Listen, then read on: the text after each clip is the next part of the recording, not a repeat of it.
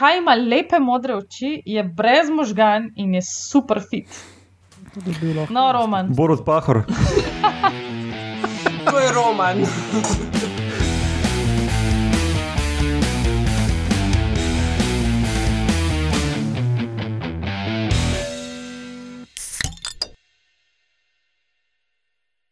Lepo zdrav, poslušate 142. oddajo Metamorfoza.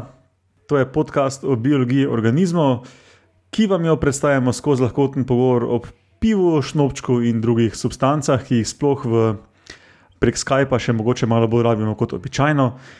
Jaz sem Matjaš Gregorič in danes so z mano ostro oka pokrovača Urša Fležar, Živijo. jamski komentator Roman Luštrik Hello. in kadeča komentatorka Alenka Rozman. A ja, nismo se pa zmenili, kdo bo uno. Ja, zdaj, jaz sem pre, prebral, kaj sem si napisal. Uh, se lahko jaz povem, pa me ti dopolnjuješ, razen če si- bi si ful zagreta. Pa jaz sem šnopc, v redu sem.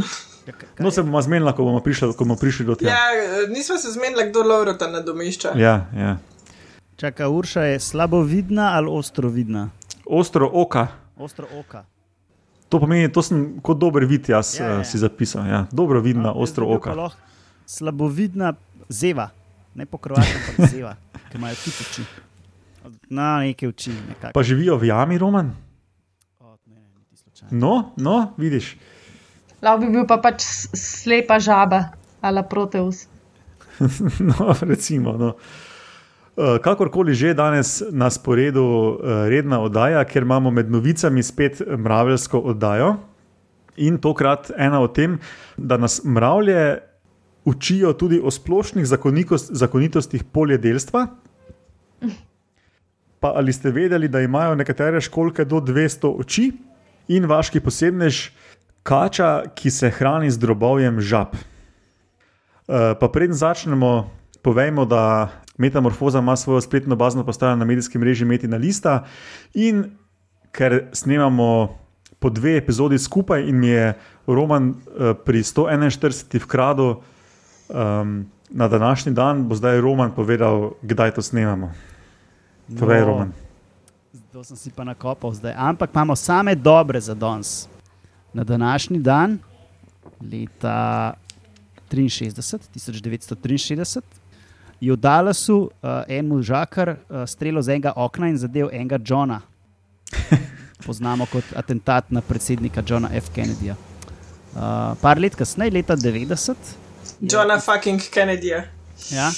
Um, leta 90 je odstopila Margaret Thatcher, to je bila ena tam gospa, tako zadrta gospa v Združenem kraljestvu. Pa še ena taka iz, popularne, uh, iz popularnega dela. Uh, leta 1925 se je rodil Miki Muster, slovenski kipar, ilustrator, animator. O, bravo. Vsaj, Torej, Če kdo ni bral njegovih stripov, uh, zamujate. ja, to pa res je. Ja. Jaz sem se naučila brati z Mikijem Mustrom, po moje, ker mi je bila motivacija, veš, ker so bile mehne, mehni kočki besedila hkrati in Mm, je pa to šlo. Dobro, potem pa kar zaštartemo zadevo.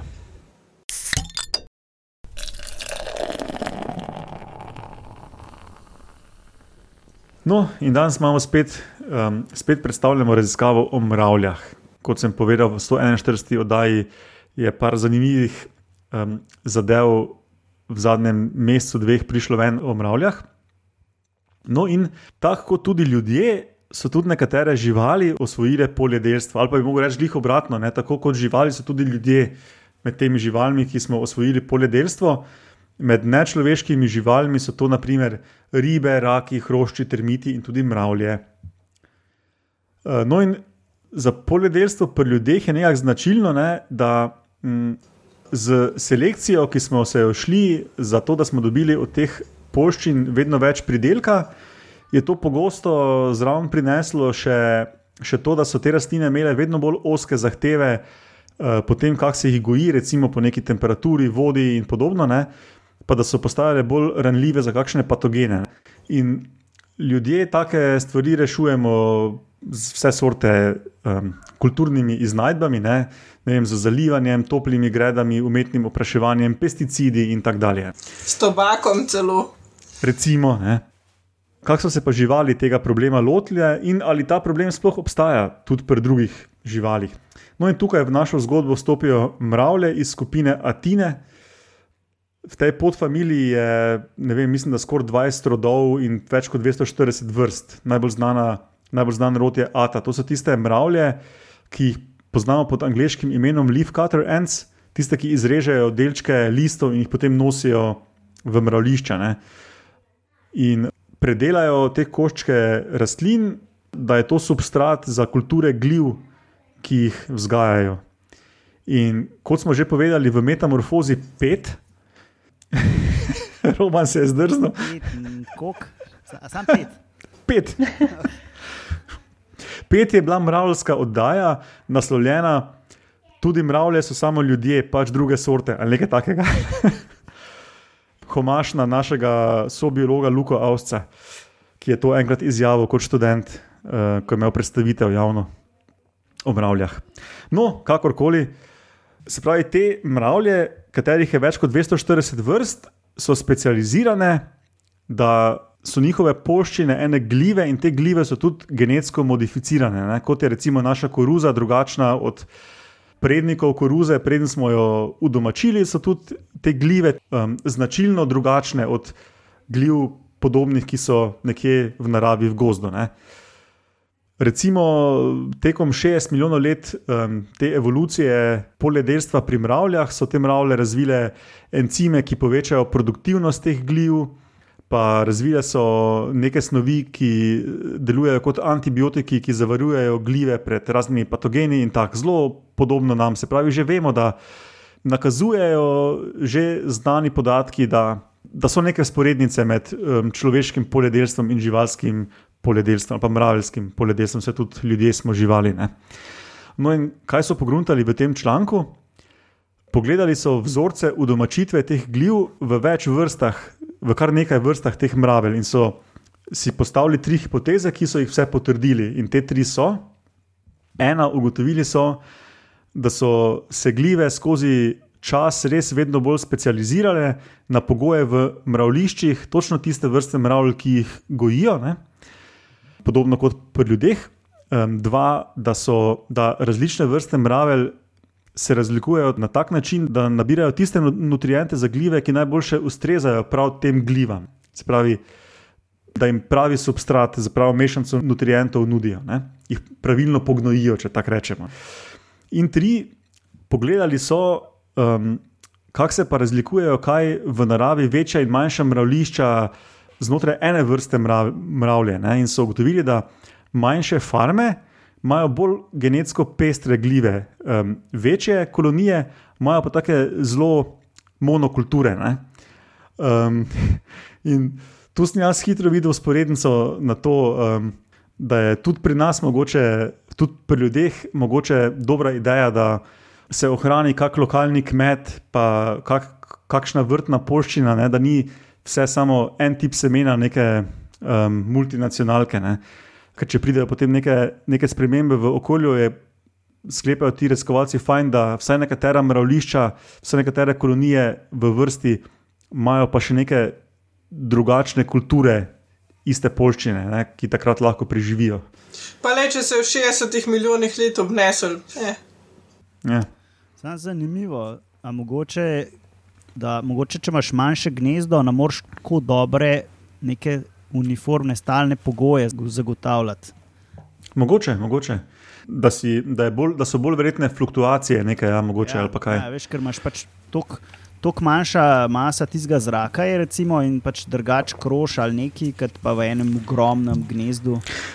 Ja, ali pa lahko mogoče tudi. Um, rastline, ki jih okoli iščeš, da ta substrat jim nameniš, um, malo bolj fluktuira, ali pa kaj, če je manjše število mravl, ki nabira, ali pa kaj takšnega, bog si ga vedi. To, to niso tako razdelali. Ampak... A pa je tako, da so te večje kolonije tudi starejše? To pa ne vem. Kaj pa bi bilo mogoče, ne, da se pač, kolonija mlada, ja, Vprašanje je, pač če to vejo, veš, to so zdaj čist novi izsledki. Uh, po moje bojo še kakšne um, nadaljne študije iz tega sledile, glih na to forum. To je, to je po, po moje daleč najbolj zanimiva najdba te študije. Uh, mislim, da se slovensko tem mravljam reče krojaške mravlje. A, točno, ja. Ja, ja imaš Čak, prav. Kje že one živijo, si povedal? A niso to Uh, tropske Južna Amerika? zadeve. Se v bistvu lahko, pa da gre za eno tako sukcesijo, vse to je v bistvu to, kar ste prej govorili. Ne? Da, da rab ta, ta glavna, ki je pol dominantna vrsta gljiv, da rab sploh, da raste vse tiste prejšnje faze razno raznih vrst gljiv. In da morajo, morajo to skozi to, ne glede na to, koliko je v osnovi mogoče veliko, ne od začetka, velika ta površina. Ja, Južna pa Srednja Amerika, sorry, Urša, jaz sem za glih Ne, uh, sorry, karto jaz na iskal. glas razmišljam, saj ni panika. Ja. Jaz sem sicer prav za rod Ata iskal, mislim pa, da je skoraj 20 rodov, tako da mogoče so tudi kje drugje. No. Se pravi, Ata je poljedelc. ATTA. Ata je Ne poljedelc. vem, če lahko rečeš poljedelc. Glivodelc. Poljedelc, ja. Ni živinoreja, pa ni, pa ni prava rastlinoreja, ampak je glivoreja. Se pravi, Ata je imel neolitik že pred 60 milijoni let. Sej smo že v prejšnji oddaji rekli, da so mravlje fule hedovas, da so pač Ja. že zdavni izumle vse, kar smo mi pred kratkim. Ja. Triažo v vojnah, pa sužne lastništvo. Čak, da zdaj odkrije, da ima mravlje v bistvu že 10 milijonov let Wi-Fi. a ne? Da imajo že 5G, 17G. Dobro, te pa gremo naprej. Ali ste vedeli?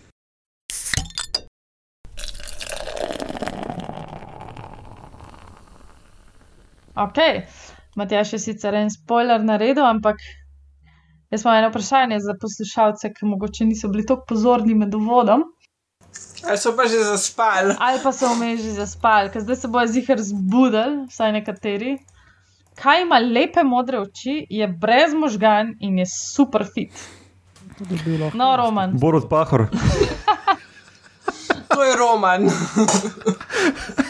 No, če se Borod z mano hoče primerjati, bom, odpust, bom uh, prepustil naslov njemu, ampak Začasni naslov, ali kaj. No, ampak ni Borod Pahor, čeprav mogoče bojo še kako vrsto odkrili, pa jo lahko po njemu poimenujejo. No. Uh, Zaenkrat so to skoraj, uh, oziroma pokrovače, no, da imajo reči pokrovače. Kakšne vrste so malce bolj izrazito take, kot je bil prejšnji opis, kakšne pa malce manj. Se pravi, to so školke. Ne? To so školke, ja. to so morske školke, da se v ta prav habitat tudi umestimo.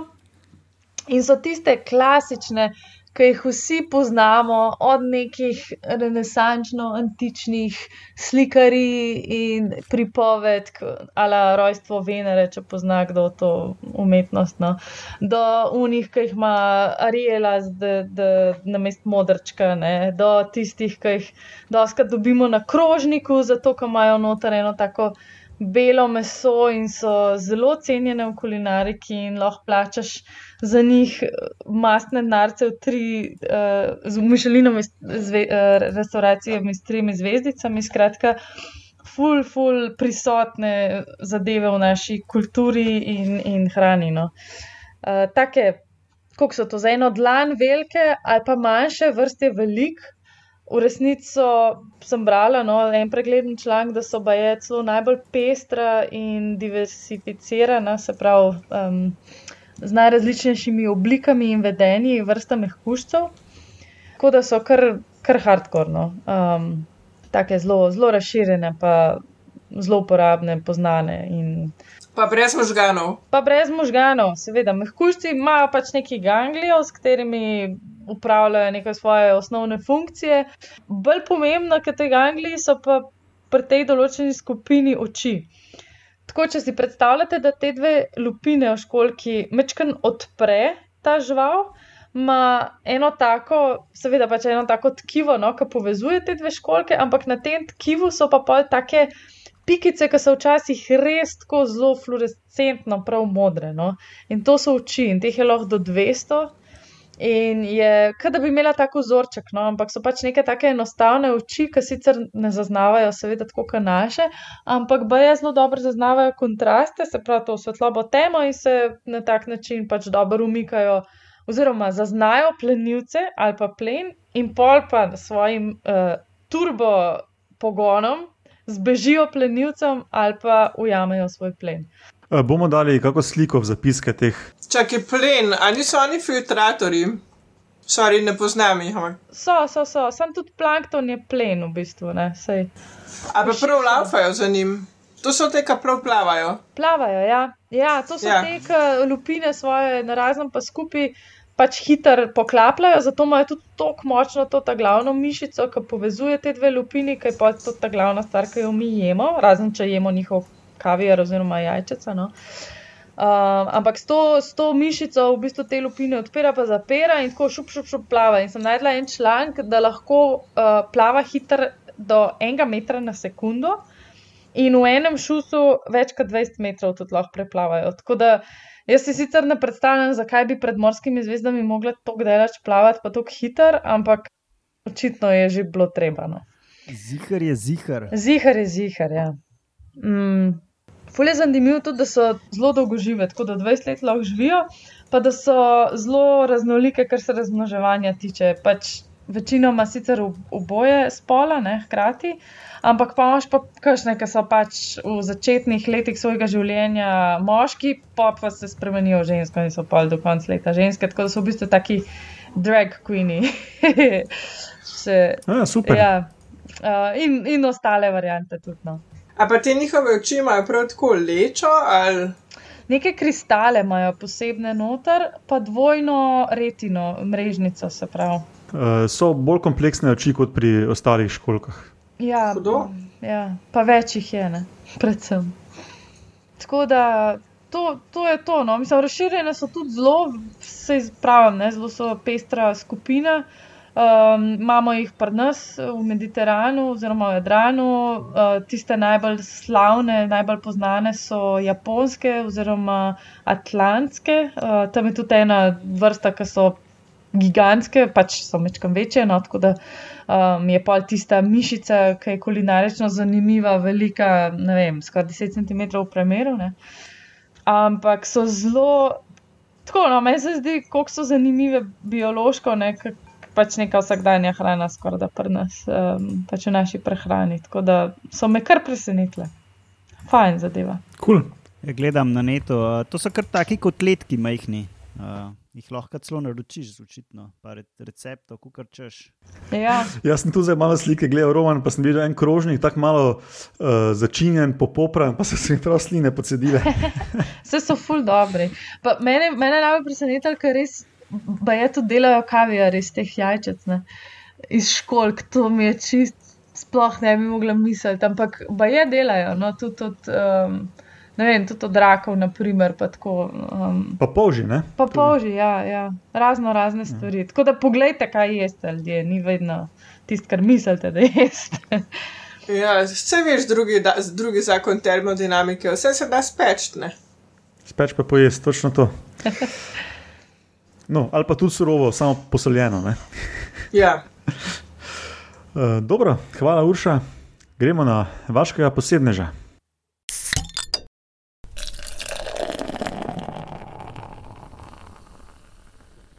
Uh, kaj jaz začnem, malenka? Ali... Lej, ti si šef, povej. Dobro, tem pa jaz začel, dobro. pa, pa me ti dopolnjuj. okay. Jaz sem to kačo izbral za vašega posebneža, zato ker je zdaj septembra letos prišel ven članek, o, ki predstavlja nov način hranjenja kač, ravno na tej vrsti, ki je seveda danes vaški posebnež. Ne? In, Um, to je vrsta z znanstvenim imenom Oligodon fasciolatus, ki sem jo jaz prevedel v slovenščino kot majhno progasta kukrikača. A jaz sem pa kukri goš prevedla, ker spada v družino gožov. Goš, ja, ja, ja, lahko bi bil majhno progasti kukri goš. Zakaj pa kukri? Uh, bom razložil. Če najprej za teaser um, dolgo zgodbo povemo na kratko. Kače so tako globalno, ne, so kače v glavnem vljudne, vljudni ljudje, oziroma vljudne živali in um, nek plen pogoltnejo cev, kar v enem kosu. Te kukri kače so pa pač malo manj vljudne in um, najprej naredijo luknjo v trebuh krastače, pol zarinejo noter glavo in potem žrejo prebavila od tega žabe, medtem ko je ta še živa. Ampak veš kaj, krestača si je pa tudi sama kriva, zato ker je po glavi pa po hrbtu strupena. Tako da če ne bi bila strupena, bi jo celo požrla. Ja, no, evo. Se pravi, zdaj, če eh, ste poslušalci rekli, kaj za vraga, bomo zdaj še malo podaljšali to zgodbo in razložili. Zdaj, kukri kače so specialisti za jajca, ko sem jaz uspel izvest, izvedeti, in imajo eno um, v čeljusti eno vrsto zavitih zob. Da se prežagajo skozi lupino jajc, in um, ti zobje, urša, so menda spominjali ljudi, ki so poimenovali te kače na kukri nože iz Nepala. To so oni taki, veš, nekaj med mačeto in velikim nožem, tako ukrivljeno. Ja, ja. Kot tak na kot ukrivljeno, ko se malo razširja proti koncu, tisto so kukri noži. A veš, on, um, on nožka visi pri nas na steni. Ja, ja, ja. mano gor. No, to- Ja. Jaz se ga ne spomnim. Pač en To tak usnjen tok je, ki je nocen. Vse smo že večkrat, ta iz Nepala, še od mojega dedija, ki je tam. Roman, jaz sem samo tvoje lepe oči vedno gledal, pa nikoli nisem nožal, pazi. Čak, kdo je zdaj brez možganov? To- Toliko se trudiš možgane iskati, da nisi prišel še do kukrija. In te kače sicer pojejo vsebino jajc tako, da to gotajo normalno, ne? um, ampak s krastačami, pa kot rečeno, um, se je neka alternativna taktika v evoluciji razvila uh, hranjenja. Ne? In hipoteza je, da, da to odpiranje želodca skozi kožo, um, namesto da pogotnejo celo krstačo, je zato, kar je Alenka rekla, ne, da se je to razvilo v, v evoluciji kot izogibanje um, strupom v koži krastač, ki jih je kar nekaj. Ta koža je kar strupena in verjetno ni najbolj prijetno to pogotniti, očitno tem, žavic, eh, tem, tem kačicam. Ne. No, sicer so pa raziskovalci gledali boje med kačami in krastačami v naravi, ki so lahko hitri, lahko pa tudi trajajo več ur. V članku so pisali, da so gledali eno triurno seanso ene kače in krastače, ki se je potem končala tako, da je kača zmagala in se pregrizla uh, skozi trebuh. Je pa tako, da ko kača končno zmaga, um, potem z temi uh, zobki pač miga glavo naprej in nazaj in s temi zobki žaga skozi kožo, dokler ni luknja dovolj velika, da lahko zarine glavo noter v trebuh žabe in potem pač začne drobovino jesti.